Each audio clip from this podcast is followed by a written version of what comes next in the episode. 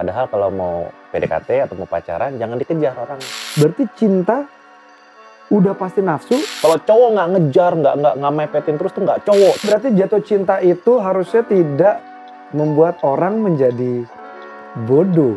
Ketika sesuatu yang sifatnya terburu-buru dan memaksa, itu wah cinta itu memang penuh sakit. Pasti yang di rumah nih nonton kayak kayaknya gue mesti chat deh. kayak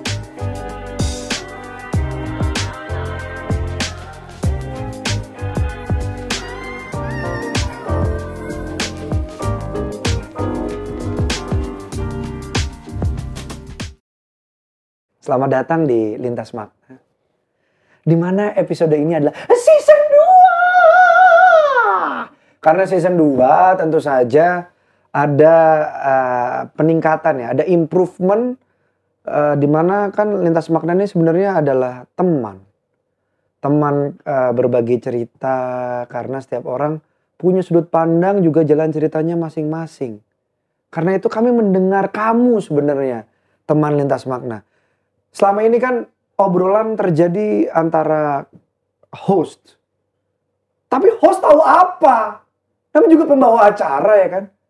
Karena itu host akan berbagi pengalamannya tetap. Tapi kali ini kami akan mendatangkan ahli-ahli di season kedua ini. Supaya apa? Supaya legit. Jadi kalau dipotong-potong di TikTok, isinya bukan sekedar opini. Tapi ilmu muncrat gitu. Barang gue Dimas Denang di episode perdana season kedua. Kami di sini kita akan bertukar cerita dengan Salaman dong coach. Oh salaman. Iya. Kira mau ngomong. Kalau gini baru mempersembahkan.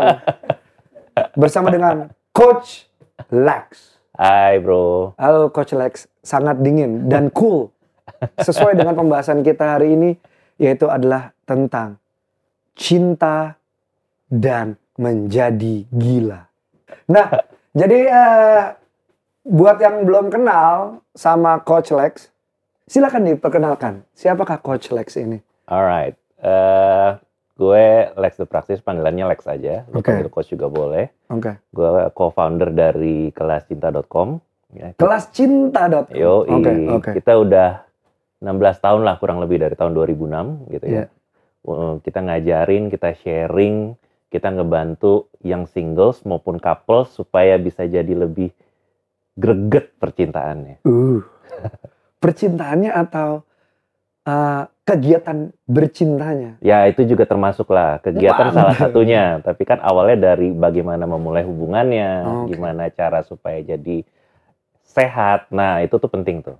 Oke. Jadi itu yang kita ajarin di kelas cinta dan gue sharing di medsos juga Hmm. Tentang gimana caranya jadi pasangan yang baik, pasangan yang enak. Gitu. Yang enak. Enak. Ada obatnya. Ada. Oh, keren. Makanan kan bisa enak, Bener. pasangan juga bisa enak. Nah, tapi coach, sejujurnya coach, cinta itu kan bisa dibilang buat orang-orang ya. Blur. Hmm, hmm, hmm, Perasaan siapa yang tahu sih? Nah, berarti kenapa coach bisa berani bilang bahwa gua coach cinta? Seperti filmnya Will Smith itu kan berarti ya? Hmm, hmm, hmm. Si apa judulnya? Ah Ya, itulah. lupa Hitch. Hitch. Nah itu dia. Iya kan? Iya. Berarti kenapa coach berani nih? Oke, gua percaya diri untuk bilang bahwa gua adalah coach cinta. Alright, kan ada sekolahnya juga untuk ilmu coaching. Untuk menjadi Ah. seorang coach itu Hmm. ada lembaga sertifikasinya. Oke. Jadi ada pendidikannya. Jadi pertama lewat pendidikan itu Iya. belajar ilmu coaching, belajar ilmu mengembangkan kepribadian orang Hmm. dari situ dulu. Lalu kemudian saya juga belajar tentang hubungan. Hmm. Ya hubungan misalnya ada salah satu sekolah yang paling ternama di dunia ini namanya Hmm. Gottman Institute. Hmm. Jadi gue ikut di kelas sana. Hmm. Jadi gue belajar gimana caranya punya hubungan yang sehat. Jadi nggak pakai feeling aja, tapi pakai Oh. data, pakai penelitian. Dan yang menariknya nih ya, Iya. founder dari Gottman Institute ini, sebelum dia mengembangkan ilmu pernikahan ini, dia spesialisasinya adalah ilmu matematik. Dia profesor matematik. Keren. Kalau nggak salah di MIT, seingat saya. Wow. Ya, Oke. Jadi sebelum dia ngulikin ilmu percintaan ini nih, dia ngulikin matematik, rumus Hmm. segala macam. Nah, di pertengahan perjalanan dia sebagai profesor matematik itu, dia penasaran gitu kayak percintaan bisa diulik gak ya pakai angka? Gitu. Wih. percintaan bisa dirumusin nggak ya pakai angka? Wih. Per- percintaan bisa di- dibuat jadi data nggak sih? Nah, karena dia memang profesornya, jadi dia teliti, dia bikin studi, dia kumpulin orang-orang buat bantuin dia studi, akhirnya dia nemuin lah salah satu bukunya namanya The Mathematics of Marriage, Oke. matematika cinta atau pernikahan. Pernikahan. Gitu. Yoi. Wow. Itu kan ajaib. Iya iya. Nah, iya. jadi kalau ditanya sama Danang tadi, eh, kok bisa akhirnya sekarang jadi ngebantu couples maupun singles kayak gini-ginian karena gue belajar dari si orang jagoannya ini. Ada rumusnya ternyata. Ada rumusnya, gitu. Wih. ada penilaian dan bukan cuman Gottman doang ya. Di Oke. dunia ini, kalau di Indonesia mungkin masih jarang ya yang namanya ilmu cinta tuh masih jarang. Tapi Hmm. di luar negeri sana, yang namanya studi tentang percintaan itu udah ngeblat di mana-mana. Oh gitu. Mm-mm. Oke. eh, kalau di sini satu-satunya ilmu cinta yang kami tahu pelet. Iya? Nah, Ya, ini- ya. itu itu soalnya itu soalnya eh, paling dekat ya de- dengan cinta. Sebenarnya saya banyak pertanyaan nih, Hmm, coach. hmm. Tapi kita juga harus melayani teman lintas makna. Jadi kita ngomongin mulai dari jatuh cinta. Nah, sebenarnya berarti jatuh cinta itu harusnya tidak membuat orang menjadi bodoh. Karena ada rumusnya kan, coach ya. Karena kalau kita ngomongin tentang jatuh cinta aja, selalu aja ada misalnya nih, Hmm. ada kejadian cowok sama, cowok suka sama cewek, teman-teman udah bilang jangan jangan jangan, Hmm, hmm, hmm. tapi dia tidak peduli. Itu kan kerap terjadi ya. Ya nggak teman-teman pernah juga nggak? Saya pernah dong, Pernah pasti. pernah. Makanya kayak hajar gitu. Teman-teman saya udah bilang jangan, enggak, saya penasaran. Hmm, hmm. Dan juga banyak sekali hal-hal yang bisa dikategorikan nekat kali ya nggak bodoh ya di luar nalar kita gitu untuk bisa eh, itu yang dia apa diasosiasikan sama hubungan percintaan itu menurut coach bagaimana bisa kejadian seperti itu coach? Oke. Ya, Mm-mm. Kalau lo sendiri kan pernah kan? Ya. Pernah jadi kayak agresif, Ya. jadi kayak hilang nalar. Ya. Bahkan ada orang yang mungkin bilang sama lo kayak, lo kok jadi berubah sih sekarang? Ya. Ya kan kayak gitu. Hmm. Ya memang pada saat kita jatuh cinta, Ya. kata yang lebih tepat sering gue pakai adalah mabok. Kita jadi mabok. Daripada jatuh. Daripada jatuh gitu ya, Nah. dibilang, dibilang jatuh, dibilang jadi kayak gangguan jiwa. Lebih tepat dibilang mabok. Mabok. Pada saat kita mabok, kita kan berubah jadi orang yang kayak di luar kendali. Oke. ya kan kita jadi ngalor ngidul ngomongnya Ya. gitu kan dan segala macam. Nah sama pada saat kita jatuh cinta, bagian otak depan kita menurut para ahlinya ya, saya kan cuma baca dari ahlinya, belajar dari Hmm. ahlinya, itu kayak tertutup, terkabut istilah. Oh. Dan kita jadi ngikutin insting aja. Oke. Kita insting kalau kalau dianya makin susah, kita makin penasaran, Oke. ya kan? Kalau dianya makin hilang, kitanya makin kejar. Oke. Jadi kita berusaha memburu dia mati-matian, Hmm. gitu. Nah itu wajar sebenarnya, tapi Oke, tidak sehat. Ah. Nah, tadi kan uh, lo bilang di depan katanya cinta tuh ada rumusnya. Iya, orang nggak tahu ada rumusnya. Gitu. Oke oke. Ini gue agak lep- cepet dulu ke, ke belakang. Ya. Nanti mabuknya nih hilang katanya. Hmm. Setelah durasi sekitar antara 3 bulan sampai 12 bulan, 24 bulan ke depan. Ya. Jadi range-nya antara 3 sampai 22, 24 bulan ke depan. Itu perasaan cintanya turun. Hmm. Maboknya maksudnya ya Maboknya. maboknya itu turun dan ketika maboknya udah turun baru kita bisa lihat orang yang kita deketin itu sebenarnya cakep apa enggak gitu Oh. atau cocok atau enggak Hmm. atau aneh atau enggak dan yang lain-lainnya gitu Hmm, jadi itu sebabnya gue lebih lebih suka pakai kata mabok Mabuk cinta. Hmm, mabok cinta kita Tapi kalau kesannya mabuk cinta, kayaknya ren, kayaknya deket banget sama yang namanya nafsu, coach. yoi lalu ngomong gini dari pengalaman atau atau pengamatan nih Pengalaman dan pengamatan. asik Karena kalau misalnya gini dok, coach, saya eh, itu bukan orang, gue bukan orang yang gini, coach. Eh, misalnya orang makin susah, gue uber. Lu makin susah, ya udah. Lu gantian kejar gue. itu masih waras berarti Nah, tapi kan selama pengamatan saya juga Ya, nih, coach. Saya apa gue ya, ganti-ganti aja nggak apa-apa ya. Di, selama pengamatan gue, nggak sedikit orang yang nguber dapat nyesal, nguber pas dapat malas, nguber akhirnya jadi bucin. Hmm, hmm. Berarti itu ada hubungannya sama nafsu sesaat Betul. dong, coach. exactly Berarti cinta udah pasti nafsu, nafsu belum tentu cinta, coach. boleh lah itu boleh di tuh bagus tuh Serius, coach. coba gue lebih bilang Iya, gini gimana gimana di, gimana? di gimana? awal nih ya, di Iya, iya, awal iya, iya, itu nggak ada cintanya justru. Oh gitu. Mm-mm. Nggak Jadi ada bukannya cinta adalah nafsu, bukan. Bukan. Di awal pada saat kita tertarik sama seseorang, kita, Ah. ih lucu nih, Ah. ih cakep nih, ini ganteng nih gitu. Yoi. Wah, bagus. Nah, di tahap-tahap awal itu biasa sih nggak ada cintanya. Ah, Itu menarik. cuman gairah aja. Oh, oke. Ya itu cuman gairah aja. Nothing wrong with that. Itu bukan berarti gairah ingin berhubungan badan iya. dan yang lain nggak. Cuman kayak sama kayak kita kalau ngelihat ada sepatu bagus atau Hmm. tas bagus atau Iya. jam tangan bagus kita kira, ih bagus. Iya. Itu kan gairah. Benar-benar. Itu gairah. Itu bukan bukannya oh gue cinta sama jam tangan itu. Enggak. Iya, iya. iya. Itu cuma Oke, kayak menarik. ini sesuai sama selera gua. Iya. Gue bergairah, gue mikirin jam itu berulang-ulang. Hmm. Kalau itu jam tangan, kalau Hmm. itu topi kan ngomongin topi itu ke semua temen, Ah, ah. nggak bisa berhenti gitu loh. Nggak bisa. Ya Oh, kan? fokusnya ke situ. Kerja Oke. mikirin topi itu mulu. Iya. Browsing lagi topinya di mana yang jual. Hmm. Ya, jadi itu lebih ke gairah ingin mendekati.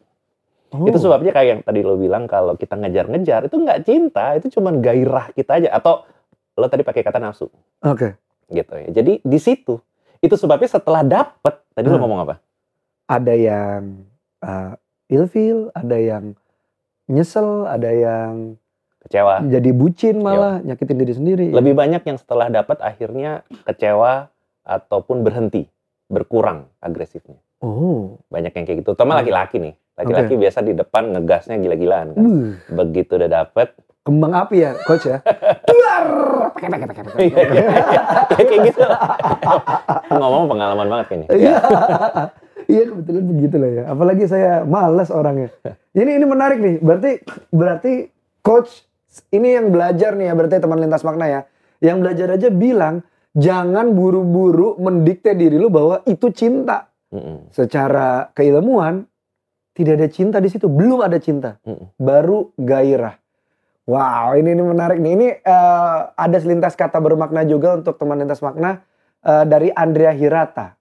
Beliau menuliskan seperti ini. Kawan. Ku Magazine. Bukan, sorry. Kawan. Kadang cinta dan gila samar bedanya. Terus ada lagi dari Mas Eka Kurniawan, penulis juga. Penulis kan ya benar ya? Yang bilang hanya cinta yang bisa menyembuhkan orang gila. Ini makin ambigu lagi nih. Gimana coach? Menurut coach ini, apakah betul? Apakah betul cinta bisa eh, menyembuhkan orang gila? Dan kadang cinta dan gila itu samar bedanya nih yang yang mana nih yang lebih Eh, legit? ya, yang pertama bagus tuh ya. Yang itu Hmm. kayaknya dua kalimat ya. Atau satu Mas kalimat? Andrea Hirata, Oh satu ya, satu, Satu. kalimat tuh ya. Oh iya. Cinta gila samar bedanya. Agree, agree? agree di Oke. bagian itu. Oke. Ya kan. Terus yang keduanya yang dari eh, hanya cinta hanya bisa menyembuhkan orang gila, Heeh. mungkin kurang sependapat. Valium bisa sih. Bikin tenang. Obat penenang, Obat ya. penenang ya bisa ya. Nah, Hmm. kalau dimasukin cinta lagi, cinta lagi tuh itu zat yang memabukkan. Uh, jadi oke. mungkin jadi over, gila. Bukan over selesai ya, Oke. jadi berlebihan. Mungkin saya nggak tahu. Ya, ya, Belum ya. pernah mencoba untuk menyuntikkan kan cinta nggak ada zatnya gitu ya. Iya. Jadi kita nggak tahu apa yang terjadi. Tapi Hmm. agree bahwa cinta sama gila itu feels the same. Oh. Bahkan ada satu penelitiannya yang saya baca, eh, saya nggak pakai kata gila ya. Eh, pernah dengar istilah OCD nggak? Obsessive Compulsive Disorder. disorder Ya, ya. ya, orang yang yang kalau di film-film sering digambarin sering cuci tangan terus, Hmm. kalau buka pintu satu dua tiga tutup. Yang sering cuci tangan maksudnya pejabat gitu.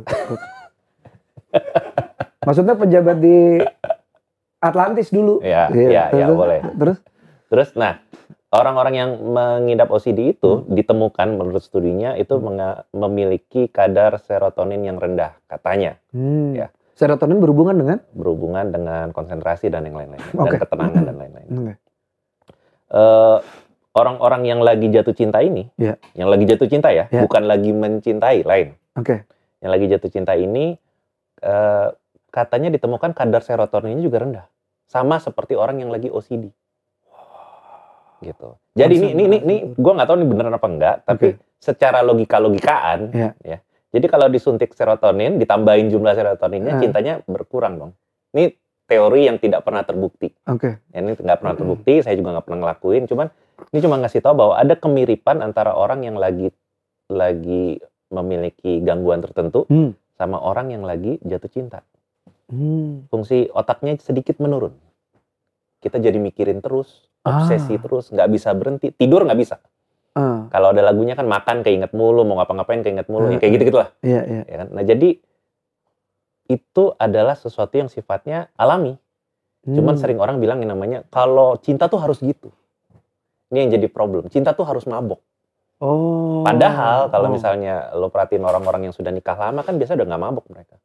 Iya, udah jadi komitmen. Iya, udah Betul. lain. Iya, iya. Jadi yang cinta yang sebenarnya itu yang ada di belakang itu bukan yang mabuk-mabuk di depan, yang agresif, ngejar-ngejar, yang pengorbanan bucin tadi lo bilang itu. Oh. Itu lebih ke gairah gitu loh. Bukan nafsu seks ya, Iya, iya, tapi kayak gairah pengen dapet. Makanya setelah dapet berhenti. iya. Pengen punya, setelah punya hilang. Dan biasanya kalau misalnya yang bucin kayak akhirnya jadi ngitung. Kan gue udah ngasih segini, kok lu ngasihnya gitu? Eh, ada juga yang kayak Ada gitu. juga yang kayak gitu. Ada Itu itu, itu kayak termasuk juga efek sampingnya dari permabukan itu. Coach. yang ada di depan. Yang paling tipikal adalah gini. Dulu Hmm. lu ngelakuin itu semua buat gue, sekarang kok lu berubah? Gitu. Pasangannya, lu. oke. Dulu lu antar jemput gue. Dulu lu ngorbanin segala macam. Sekarang kok kayaknya balas chatting aja lama. Hmm. Nah, jadi ada penurunan apa istilahnya ya? Eh, lu lu inget lah pasti ketika udah jadian biasanya agak sedikit menurun tuh. Nggak segegap gempita kayak yang tadi lo bilang itu. Iya, iya, iya. Yang lo bilang apa? Kembang Kembang, api. api. Yoi, gitu. Hmm. Jadi kembang apinya udah hilang. Hmm. Nah, justru cinta yang sebenarnya menurut gue ya, itu terjadi setelah kembang apinya hilang. Wow. Wow. Jadi adik-adik, cinta tidak selamanya indah, dek. ya, dek ya. Kembang apinya nyalanya ya kadang-kadang, dek ya. Nah, ini ada berarti ada pertanyaan nih. Apakah semua orang saat jatuh cinta mengalami hal yang sama, hilang, hilang nalar dan sebagainya, secara general, coach? berarti? General, ya tiap orang beda-beda. Tapi Ya. in general ada yang tadi gue bilang itu penurunan daya apa ya? konsentrasi. Konsentrasinya meningkat, tapi Oh, konsentrasi. hanya ke itu aja. Oh, jadi hyperfokus. Iya, hampir fokus ke dia gitu loh. Oke. Peningkatan konsentrasi ke satu orang itu. Hmm. Kekerjaan kagak. Hmm. Ya kan ke hal-hal lain kagak. Tanggung jawab biasa diabaikan. Ya, ya. Pada saat itu ya, pada saat awal-awal jatuh cinta itu. ya. Jadi ada kecenderungan seperti itu. Ada kecenderungan. Ah, kita jadi hyper energik juga pada saat lagi jatuh cinta itu. ya? Atau yang atau yang gue bilang gairah tadi. Ah. Kita lebih energik, terus kita ngerasa bisa menerima apa aja.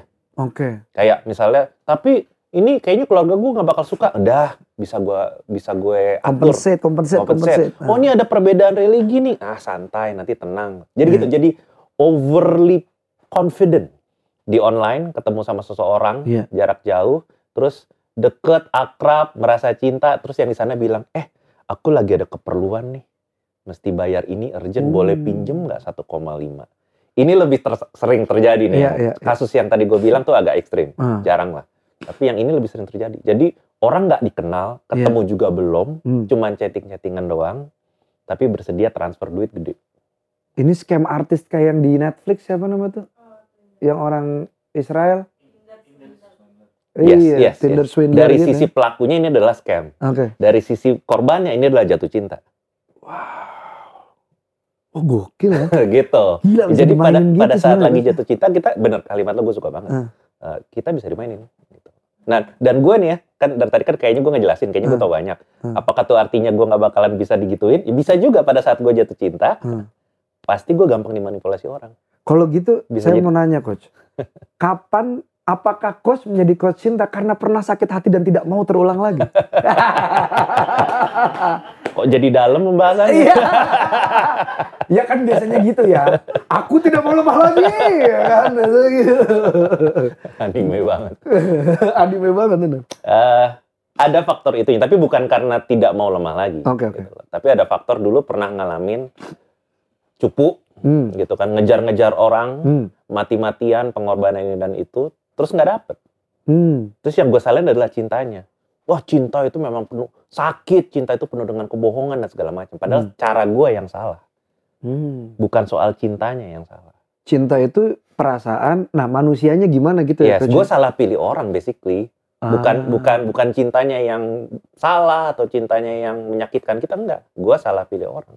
Orang yang nggak mau sama gue, gue paksa. Kan itu kebanyakan laki-laki ya. Iya. Deketin orang, eh, laki-laki biasa modusnya gini. Berusaha maksa dia sampai yakin. Hmm. Sampai dia kebuka. Ibaratnya pintu, gue gedor terus sampai dia buka pintu. Jadi gimana, dok? Ini yang mesti dikat. Itu jadi, mesti hilang ya. Jadi, jadi, jadi, eh, eh, harus dapat, harus dapat, harus Ya, dapat. ya, laki-laki di- Ah. di- di- dibiasakan begitu, Ah. harus ngejar. Hmm. Bahwa pengejaran itu adalah bagian dari cinta. Seringkali Hmm. dicuci otaknya gitu. Kalau cowok nggak ngejar, nggak nggak nggak mepetin terus tuh nggak cowok tuh dan itu tidak cinta. Oh. Kurang setuju gue. Iya. Gitu loh. Karena kalau kita maksain seorang perempuan untuk sampai mau cinta sama kita kan artinya kita bukannya lagi PDKT. Kita lagi PMKS, pemaksaan. Hmm. Dan memaksakan itu. Masa masa kita mohon-mohon sih orang buat cinta sama kita?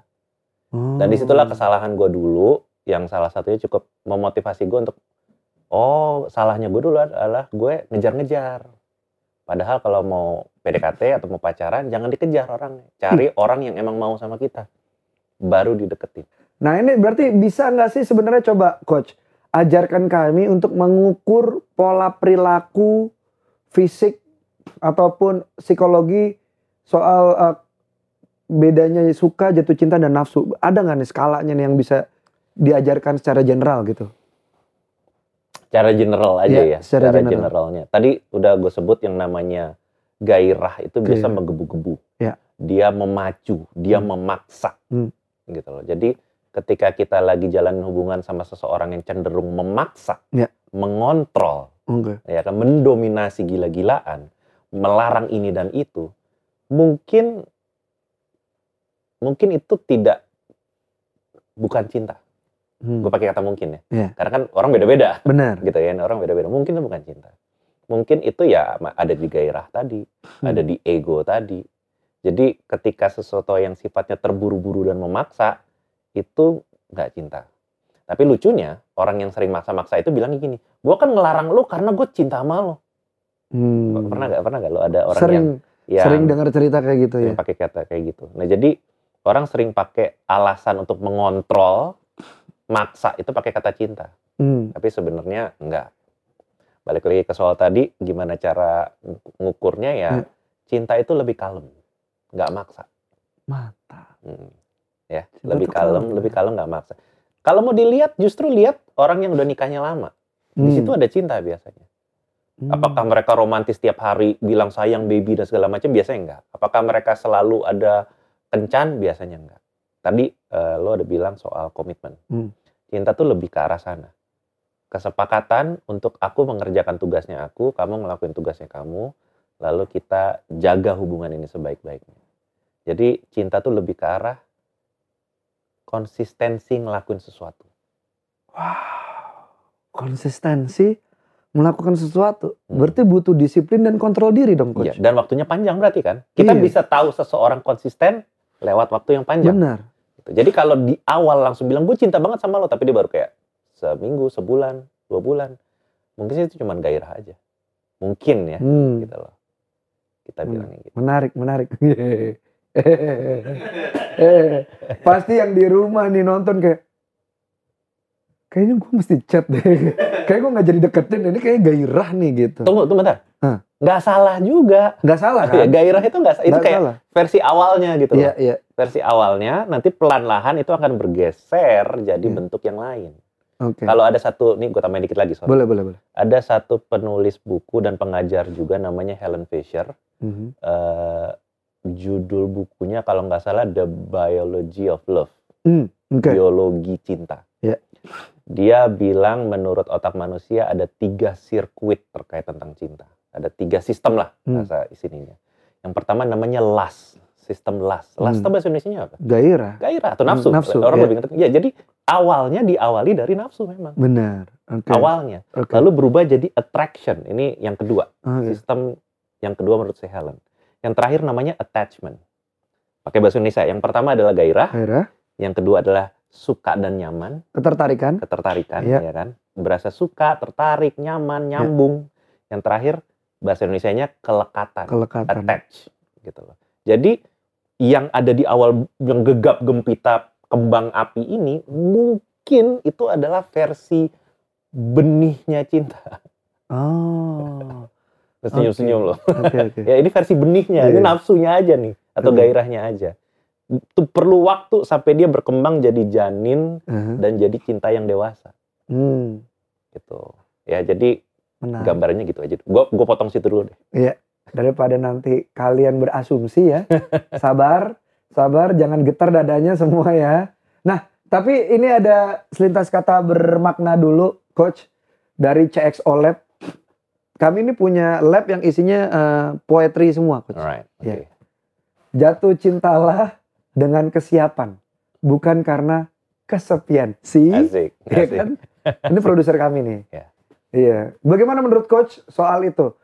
Kan kadang-kadang cinta dijadikan alasan untuk banyak hal seperti dia dikontrol, Mm. udah gitu kesepian, kesepian ya udah deh gue cari pacar, pas cari pacar ternyata zong Mhm. Karena dia dia punya masalah tapi belum diselesaikan malah cari masalah baru tanda kutipnya. Hmm. Gitu gimana coach menurut coach? Ya banyak, banyak Hmm. orang yang memulai hubungan Ya. ataupun menjalani apalagi nikah gitu loh. Hmm. Tujuannya adalah mengusir sepi. Hmm. Dan biasanya jadi pilih orang yang salah Hmm. gitu. Karena tujuannya nyari ngusir sepi kan. Berarti kalau ngusir sepi nyari yang aneh-aneh biasanya, yang ribut-ribut, yang rame-rame, Ah, yang kayak gitu. tuh. iya iya Nah, iya. yang iya. aneh ribut aneh eh sorry, aneh ribut berbeda itu biasa enak di depan. Hmm. Contohnya seorang introvert biasanya cari yang extrovert. Hmm. enak di depan tuh gitu loh kayak uh seru ya si cowok gue atau cewek gue tuh banyak ngomong banyak aktivitas Hmm. awalnya gitu si introvert ini kayak seneng Ya. tapi setelah jalanin hubungan lama capek karena si pacarnya yang ekstrovert ini gimana Kayak nyedot energinya dia. rata energi ngajak keluarmu ngajak ngobrolmu dan segala macam Hmm. capek karena nggak kuat sementara yang ini yang ekstrovert ini juga kayak capek kok gue ngomong sama pasangan gue kok kayaknya nggak nyambung Hmm. kok kayaknya dia pengennya semedi mulu gitu Ah. Nah, jadi sesuatu yang kayaknya meriah di depan, Hmm. biasanya setelah sekian bulan hilang cocoknya. Jadi Hmm. hati-hati berusaha mencari pasangan ketika lagi sepi. Biasanya kita tertariknya sama wahana-wahana yang rame-rame, tapi mungkin Ah. di- setelah dijalanin ternyata nggak cocok. Ya masa ada orang mau hidup naik roller coaster terus? Yo, Iya nggak sih coach? Iya, oke. Itu dia jangan naik roller coaster kebanyakan ya. Baiklah. Terus kalau jatuh cinta itu emang jadi candu, segala bentuk kecanduan pasti ada hubungannya sama berlebihan kan coach? ya, ya, ya. Apakah bisa jatuh cinta menjadi efek yang baik untuk psikis dan mental? Sadar atau tidak karena kita tuh selalu meromantisasi, mendramatisir yang namanya cinta. Ah, Oke, Bisa nggak cinta ini menjadi obat justru?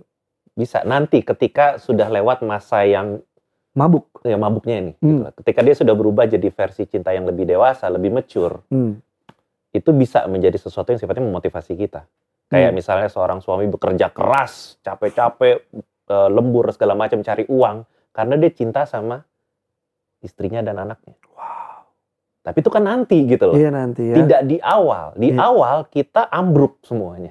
Hmm. Termasuk orang-orang yang mengerti ini termasuk saya gitu. Jadi di pada saat lagi jatuh cinta dan pacaran di awal-awal itu kita tuh maboknya luar biasa. Eh, orang Indo ada istilah namanya kasmaran gitu kan Oke. ya, gitu lah. Iya. Pas lagi kasmaran itu ya kacau kita memang. Kita jadi jadi melakukan hal-hal yang cenderung bisa merugikan diri sendiri. Hmm. Kayak kita menelantarkan, me- mengecilkan kerjaan, Oke. kita tunda. Oke. Jadi bukannya memotivasi malah mendemotivasi kita di kerjaan.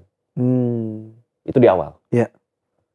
Nanti pas berkum, ya namanya juga jadi dewasa ya coach. Jadi dewasa. Begi- cinta juga begitu ternyata berevolusi ya coach. Betul. Akhirnya pas jadi dewasa berubah tuh. Jadi tanggung jawab lah. Betul. Jadi cinta yang lebih bulat lagi gitu ya coach. Betul. Oke. Cuman gini, nah, Iya. nggak semuanya Iya. jadi dewasa. Ah, oke. Ada yang cuman meriah kembang api doang, Ah. jadian setelah berapa bulan terus udah mati gitu aja. Cuman cuman cuman sampai situ aja. Hmm. Nggak berkembang jadi ke mana-mana, nggak jadi pohon, nggak jadi buah, hilang. Itu sebabnya pada saat kita eh, pacaran sama seseorang, saya sih bilangnya gini ya, Hmm. kalau lagi pacaran tuh jangan di awal langsung tujuannya nikah, Hmm. gitu. Karena di saat itu kita lagi mabok, Bener. ya kan? Pas lagi mabok, jangan bikin janji-janji. Bener. Kecuali di Las Vegas ya coach. Iya, iya, Iya udah udah. udah. Terus terus. iya kan? Iya bener bener. bener. Jadi di awal pas lagi Menarik, mabok menarik. itu tiga bulan enam bulan awal tuh sebaiknya Ah, ya sebaiknya sih menghindari omongan tentang masa depan, Ya. mau nikah, mau punya anak berapa karena itu halu, karena mabok. yoi gitu. Oke. Apakah orang yang mabok itu bohong ketika dia ngomong masa depan? Enggak, enggak bohong. Enggak. Dia lagi in the moment kan? Iya. Lagi iya. in the moment jadi ngayal aja. Iya. Dan setelah tiga bulan enam bulan kemudian dia lupakan semua hayalan itu. Ah. Atau dia males ngelakuinnya lagi minimal. Biasa sih gitu. Oke. Itu makanya tadi gue bilang yang di awal itu bisa pudar, bisa hilang, bisa sirna kalau nggak di maintain, kalau nggak ngerti Hmm. rumusnya, gitu. Rumusnya Ada di kelascinta.com. Ikutan makanya ya buat yang mau mulai bercinta. Maksudnya belajar mencintai. Silakan ya ke sana biar nggak mabuk terus. Nah berarti terus apakah intelijensi seseorang ini mempengaruhi coach? Soal jatuh cinta karena kan ada Hmm. teman-teman saya nih yang nyebrang gitu jatuhnya tuh kayak mungkin kategorinya jenius kali ya coach. Mhm. Dia tuh sama cinta tuh nggak nggak nggak dulu deh. Ntar dulu gue mau ke sana dulu. Stoik deh, cie, zaman sekarang. Mungkin mungkin mungkin. Mungkin. Atau kayak teman saya bener-bener dia itu ya anaknya tuh suka banget sama fisika lah. Hmm. Dia tuh orangnya gitu kayak enggak, ntar dulu cinta ntar dulu karena terakhir orang nggak bisa ya apa pacar gue nggak bisa ngikutin gue. Hmm. Terus dia ngerengek ganggu gue, gue cabut, gue Hmm. putusin gitu. Mhm. Apakah intelijensi orang berarti berpengaruh sebenarnya sama permabukan ini coach? Gue gue gue pakai gini aja deh. Apakah orang yang pinter itu kalau disodorin bir atau alkohol itu jadi less mabuk dibandingin orang yang bodoh? Hmm, menarik. Enggak kan sama aja. Hmm. Mem- Memang beda kadarnya kali ya gitu Iya, loh. iya. Beberapa orang minum dua aja udah langsung naik. Ini ketahanan ketahanan syaraf otak Iya, yang ngejaga gitu kayak ngomong Iya. jangan mabuk, jangan mabuk, jangan mabuk gitu kan. Tapi kan kalau dihipnotis kan orang yang tidak mau dihipnotis malah gampang kan coach? exactly. Ah. Jadi jawab pertanyaan lo tadi, mau sepinter sejenis kayak gimana pun, Iya. kalau lagi ketemu sama orang yang seleranya dia, nah, mabuk mau mabuk aja, ah, gitu ya. keren. Mabuk mau mabuk aja, gitu udah udah udah apa mau dibilang, udah hukum alamnya gitu. Iya. Pada saat kita jatuh cinta, ini semua turun. Hmm, Itu sebabnya salah satu yang nge- buat ngejagain kita ya kalau lagi jatuh cinta ya adalah kalau kita lagi suka sama orang, ya kita sebaiknya cerita sama teman-teman. hmm. jangan menyendiri. Karena kalau kita menyendiri nggak ada yang jagain kita, nggak ada yang Hmm. ngingetin kita. Eh, nang lo nggak boleh gini, lo nggak boleh gitu. Kalau nggak ada yang ngejagain, bablas. Tapi bukannya semakin banyak suara semakin apalagi suara-suara sotoy gitu coach. Ya kalau kalau kita di kelascinta.com gitu mungkin suaranya bener gitu Ah. arahannya. Nah ini kan anabel anabel analisa analisa gembel ini loh coach. Iya kan? Itu Ya. gimana coach? Ya, ya punya teman beragam lah. Ada yang temennya dibikin banyak lah versi. Oke oke, ini Ya. menarik nih. Kalau menurut coach berarti eh, intelijensi orang juga sebenarnya ngaruh-ngaruh enggak ke masalah cinta? Hmm, Karena orang lagi mabuk. Mm.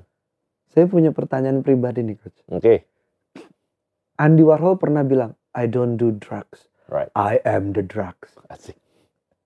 Coach mungkin jarang mabuk. Hmm.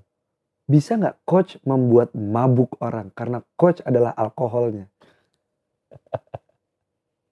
Dalam banget pertanyaan lo. Iya. Mana pribadinya? Tadi lo bilang pertanyaan Ini pribadi. pertanyaan pribadi, Oke. pertanyaan gu- pribadi gua. Ke- eh, Jadi kan selama ini yang membuat cinta yang membuat mabuk. Heeh, Bisa nggak coach heeh.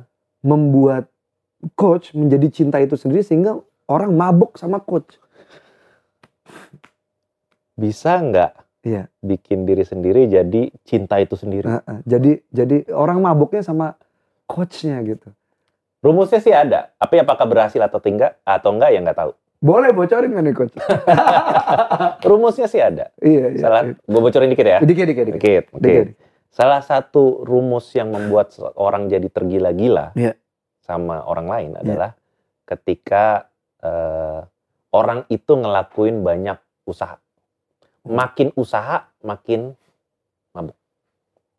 Itu salah satu rumusnya. Oke, oke. Nggak selalu begitu ya. Jadi Oke. kalau kita pengen buat, saya pengen buat seseorang jatuh cinta sama saya, yang saya lakukan bukannya baik-baikin dia. Itu yang lakuin banyak orang kan. Oke. Gue baikin, gue turutin, gue apain. Sampai orangnya berubah. sampai orang yang berubah terus mau sama gue. Iya, iya. iya. Gitu kan. Hmm. Eh, pakai cara itu silahkan kalau mau. Iya. Tapi kalau rumus yang eh, lebih saya ajarkan selama ini adalah, pakai saya? yang gue ajarin selama ini adalah pancing dia si Iya. beliau ini untuk melakukan usaha kecil-kecil. Contohnya nih, contohnya kalau lagi PDKT kayak, eh besok gue mesti ada meeting nih, kayak live syuting kayak gini jam 9, gue biasa bangun jam 8. Tolong bangunin gue dong. Uh. Jadi eh, bangunin gue, telepon gue, bangunin gue. Ah. Ini masih gebetan ya? Iya, iya. Masih kebetulan. Tolong bangunin gue jam jam 7.30 ya, telepon gue. Ah. Gitu. Nah, dengan demikian si orang itu kan jadi ngelakuin sesuatu. Berusaha buat saya. Ketika dia berusaha, baru saya bilang, thank you ya, kamu baik banget. Ah. Itu satu, jadi dia ngelakuin satu usaha, kasih apresiasi. Iya, iya, iya. Besoknya minta usaha lain lagi. Hmm. Eh, aku lagi mau belanja ini casing handphone nih gitu. Hmm. Eh, tapi susah nyari yang warna merah ya. Tolong cariin dong di Topet atau di mana Ah. yang warna merah, kirimin ke gue linknya yang ketemu. Kalau dia ngelakuin, saya bilang thank you lagi. Hmm. Nah, mulai tercipta nih. Jadi saya memancing dia buat ngapain? Eh, melakukan sesuatu. Melakukan sesuatu. Jadi semakin dia melakukan sesuatu ke saya, Iya. teorinya Teorinya. dia jadi makin punya perasaan sama saya. Oh. Teorinya ya. Oke, oke. Itu sebabnya kalau kalau kalau gue balik nih ya, kenapa biasanya seorang perempuan yang yang yang berada dalam pernikahan yang nggak sehat, Iya.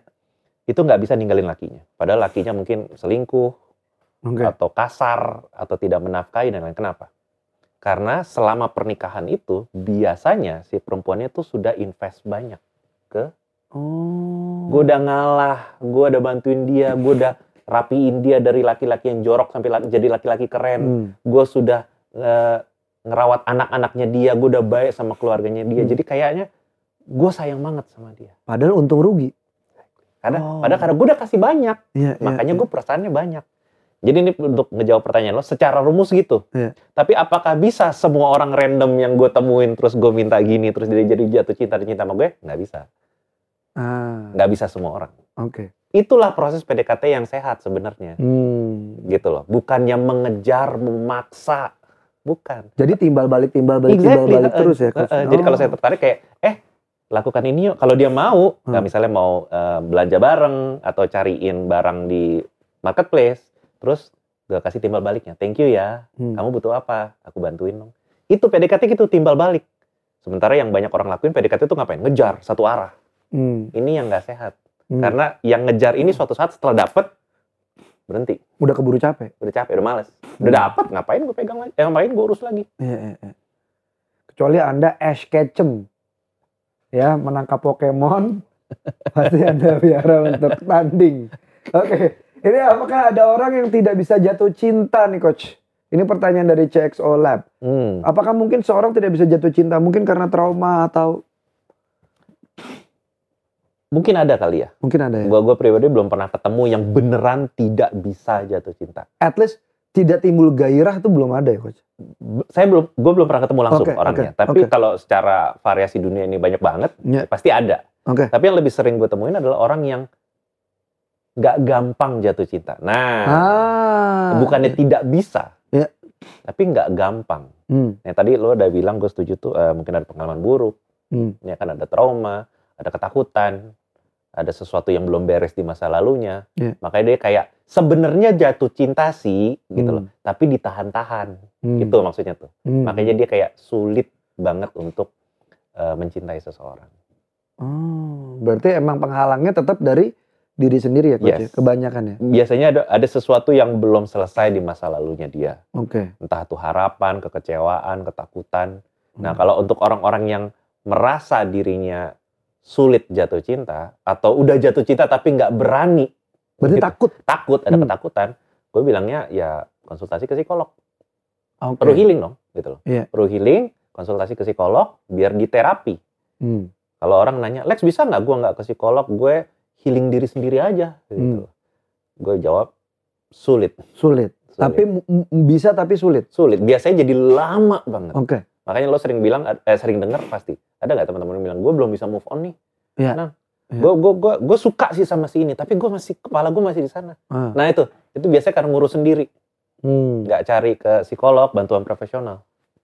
Oke. Nah kalau ke psikolog bakalan lebih cepat. Memang nggak instan ya, nggak bakal bisa instan, tapi bakalan lebih cepat dibandingin coba sendiri. Oke, menarik nih. Jadi tetap harus cari bantuan profesional ya teman lintas makna ya, Hmm. supaya nggak eh, healing ntar hilang. Nah sebelum kita sama-sama bikin catatan penting dari apa yang kita dapat hari ini dari obrolan kami, gue mau bacain selintas kata bermakna dari Terelie lewat buku berjuta rasanya. Orang-orang yang jatuh cinta terkadang terbelenggu oleh ilusi, ilusi yang diciptakan oleh hatinya sendiri. Ngomong soal hati, apakah coach Yoi. percaya sama hati coach? Yo, iya. Pertanyaannya, Atau itu atau apa? adalah cuma reaksi hormon yang ada di otak aja coach? Karena kalau orang ngomong hati Nggak ada tempatnya di mana? nggak ada tempatnya, Yoi. hati di sini kan? Iya nggak coach? Iya, Gimana iya. tuh coach? Hati itu Kalau gue Iya. dari dari yang gue baca, hati itu salah satu fungsi dari otak. Fungsi dari otak. Yoi. Jadi kalau mau dibilang hati ada di mana, di sini. Di otak. Otak kita rusak, Ah. ya hati kita juga jadi agak sedikit berbeda rasanya. Oh, oke. Gitu. Ya jadi ada di sini nih. Oke. Rasanya kayaknya di sini ya. Maksudnya kayak debar-debar, Hmm. kayaknya hati berasa besar, Iya. berasa semangat. Kayaknya seolah-olah ada di sini karena ini ada jantung di sini. Hmm. Gitu loh. Jantung yang mompa, jadi kita lebih lebih semangat, Iya. lebih apa segala macam. Tapi kalau tanya apakah ada hati, mungkin bukan organnya ya. Iya. Gitu loh. Tapi fungsi otak itu ada. Hati nurani, gitu. Hmm. ya itu ada. Dan gue suka nih yang dibilang tadi, Apa tuh? terbelenggu. Oh. terbelenggu. Pada saat kita lagi jatuh cinta, kita kalau istilah gue dari tadi kan mabuk. Ah. Tadi istilah yang dipakai sama Terelie kan terbelenggu oleh ilusi yang diciptakan oleh hatinya sendiri. Betul. Hmm. Jadi kayak ada penjara, terpenjara di sana. Oke. Nggak bisa keluar sampai beberapa bulan. Nanti setelah lewat sekian bulan, setelah mabuknya hilang, gitu kan ya. Baru dia bisa ngeliat, oh ternyata cewek gue gini, oh ternyata cowok gue begini. Baru kelihatan. Orang-orang dari dari bulan awal sudah lihat, ini kan cowok lo kagak bagus gitu. Ini kan cewek lo kan tukang ini. Ini kan cowok lo kan tukang begitu. Orang lain bisa lihat. Iya. Tapi kita sendiri pada saat lagi jatuh cinta nggak bisa lihat. Atau kalaupun bisa nih yang gue bilang tadi ya, jadi Iya. over over positif kayak ah gampang, nanti, Iya. nanti bisa gue ubah dia. Karena kabut Kabut Iya. dan berfantasi yang dibilang sama Trailer ini Iya, diciptakan oleh siapa? hatinya, sendiri. Dia sendiri yang ngayal, lagi mabok dia, Hmm. gitu loh. Berarti bisa dibilang kalau orang mabok, ya jangan ditambah minumannya gitu. Kalau bisa, Lama-lama berkurang kan coach maboknya. yes. Iya, iya. iya. Gitu. Jadi tenang dulu gitu ya coach. ya. Mm-mm. Be present gitu. Asik, Keren. asik, Keren. keren. Keren. Hah, Seneng udah dipuji sama coach keren. Nah jadi catatan penting apa yang eh, lo dapat hari ini teman lintas makna silakan tulis di kolom komentar nanti kami akan bacakan di episode selanjutnya. Kalau dari Mas ah dari Mas lagi dari Coach Lex sendiri ada catatan khusus nggak nih untuk teman-teman lintas makna yang rentang umurnya tuh 25 sampai 40 lah yang nonton nih Hmm. soal cinta. Ya, mungkin tadi gue suka pakai kata lo be present ya. Hmm. Ya, gitu. Jadi aware dulu deh bahwa cinta di awal memang gagap gempita. Karena awareness ini penting. Heeh. Kalau kita nggak bisa aware, kita nggak bisa accept bahwa cinta di awalnya memang mabok, nggak Iya. bisa lewatin fase mabok, harus Hmm. lewat mabok dulu. Jadi kalau kita udah tahu cinta awalnya mabok, berarti pada saat nanti kita mabok, Iya. Kita nggak ngegas. Oh oke. Gue suka pakai istilah gue, jangan sampai nikah ugal-ugalan. Wih keren, keren coach. Jangan Ya, nikah boleh kalau Keren. mikir nikah boleh berencana nikah, tapi lewatin dulu masa maboknya ini. gitu Iya loh. iya ya. iya iya. Jadi jangan di dalam masa mabok ini ngomongin nikah, ngomongin Oh. keluarga, Iya iya. ngomongin bisnis masa depan. Ini lagi mabok, cuy. Halu. Jadi lewatin masa halunya. Kalau kalau ditanya Lex berapa lama? Ada yang bilang tiga bulan. Gitu kan tiga bulan pertama tuh masa honeymoon istilahnya. Kalau kalau di studi yang gue baca bisa sampai 22, 24 bulan, bisa Hmm. sampai sana. Berarti dua tahun Dua tahun. gitu loh. Jadi makanya itu alasannya gue sering bilang kalau lagi berpacaran, kalau bisa nih sebisa mungkin ya, dipanjangin dulu sampai setahun dua tahun. Hmm. Tujuannya supaya ngabisin masa Mabok. exactly. Setelah maboknya reda, kitanya udah waras, baru tuh mikir Hmm. mau nggak gua sama dia. Hmm. Kalau lagi mabok mau mau aja soalnya cakep aja, ganteng aja, segala Iya. macam. Gitu. Jadi aware dulu bahwa ada kemabukan di awal. Dan Oke. mabuk ini wajar, tidak bisa dihindari. Yang bisa kita lakukan cuma memperpendek masanya atau memperpanjang masanya. Oke. Makin kita ngelakuin gunung gini, makin panjang Oke. gitu. Tapi kalau kita tadi dibilang sama Danang tuh kan keren tuh, di present, jangan ditambah-tambah lagi. Hmm. Biasanya kemabukannya semakin pendek Hmm. dan kita semakin lebih waras dan hopefully Hmm. orang yang kita pilih adalah orang yang cintanya juga bisa bertumbuh jadi lebih dewasa tadi. Hmm. Gitu. Karena nggak semua kemabukan pasti jadinya kedewasaan, nggak semua. Nggak semua. Oke. Gue ya berarti ya. Menarik. Makasih Coach Lex. Kalau gue, kalau dari awal kita udah nyalain cintanya, gue khawatir sama fase ketiganya Coach. Hmm. Attachment. Hmm. Kemelekatan itu. Hmm. Nanti itu bisa disalahin lagi kalau misalnya dari awal kita nggak sadar sama Exactly. sama fasenya tadi ya. Hmm. Hmm. Karena kan kemelekatan yang jadi banyak jadi apa ya? Sumber masalah kan coach. Exactly. Gitu. Jadi buat teman-teman selamat menikmati cinta. jangan cintanya yang disalahin. Oke, kalau begitu Coach Lex silakan mungkin eh, Coach Lex kalau mau bertemu Coach Lex di kelascinta.com Kelascinta.com atau paling gampang di IG-nya gue aja, at Lex the Praxis. At Lex the Prasis. Hmm. Dan eh, kelasnya ini bisa diikuti secara online dan offline ya ya Coach ya? Hmm, ada di lebih banyak online saat ini Oke. karena masih belum lepas kan pandeminya. Ya. Jadi di offline juga ada, tapi mungkin mulai tahun depan lah ya. Oke. Jadi eh, silakan nggak usah gengsi. Kalau kalian udah mulai ngerasa nggak enak, silakan eh, cari profesional juga seperti kata Coach Lek. Kalau gitu mari mari kita tutup dengan selintas kata bermakna yang cukup pahit, tapi begitulah realitanya. Jatuh cinta itu proses yang unik, bahagia awalnya memudar perlahan, diiringi oleh keserangkaian perjuangan, diakhiri oleh keputusan pergi atau bertahan. Mama mia. Ini dari siapa nih? Pak Ari ini pasti ya? Ah, Odin, Odin kamu nih udah mulai gede kamu kayak. Hah? Ngomongin soal cinta emang gak ada habisnya sebenarnya eh, sebenarnya ada bisa dua hari sebenarnya kalau ngobrol sama Coach Lex soal cinta ya. Jatuh cinta yang katanya berjuta rasanya tapi bisa bikin orang jadi kayak mengidap gangguan jiwa. Tapi Coach Lex bilang lebih asik. Seperti orang mabuk karena bisa bahagia banget bahkan bisa sedih banget. Tergantung mabuknya apa ya. Gitu. Bahkan kalau lo ngegele kan delete. Buat buat teman lintas makna yang juga punya cerita menarik tentang jatuh cinta, entah kisah bahagia atau sedih, lucu atau bikin malu, boleh banget uh, share ceritanya di kolom komentar. Kalau butuh ruang yang lebih personal, bisa juga DM ke Instagramnya @lintasmakna. Siapa tahu nantinya bisa duduk bareng di sini ngobrol bersama ahli seperti Coach Lex. Nanti Coach Lex pasti diundang lagi. Kalau misalnya masalah cinta lagi hip lagi gitu kan. Tapi emang selalu hip ya Coach ya? Ini lumayan sepanjang masa sih ya. Sepanjang masa ya. Heeh. Menarik karena orang pasti jatuh cinta. Dan jangan lupa juga follow uh, TikTok kami di @lintasmakna dan kalau motong potongan uh, ucapannya Coach Lex dikenakan biaya Rp50.000. Jadi jangan potong-potong asal-asalan. Dan Twitternya @lintasmakna underscore id. Terima kasih untuk teman Lintas Makna. Semoga kami bisa jadi ter- semoga kami terus bisa jadi teman yang ada untukmu untuk saling bertukar cerita. Oke kalau begitu Jangan lupa juga dengerin uh, di podcast Lintas Makna di Spotify dan juga Apple Podcast. Sampai ketemu. Dadah.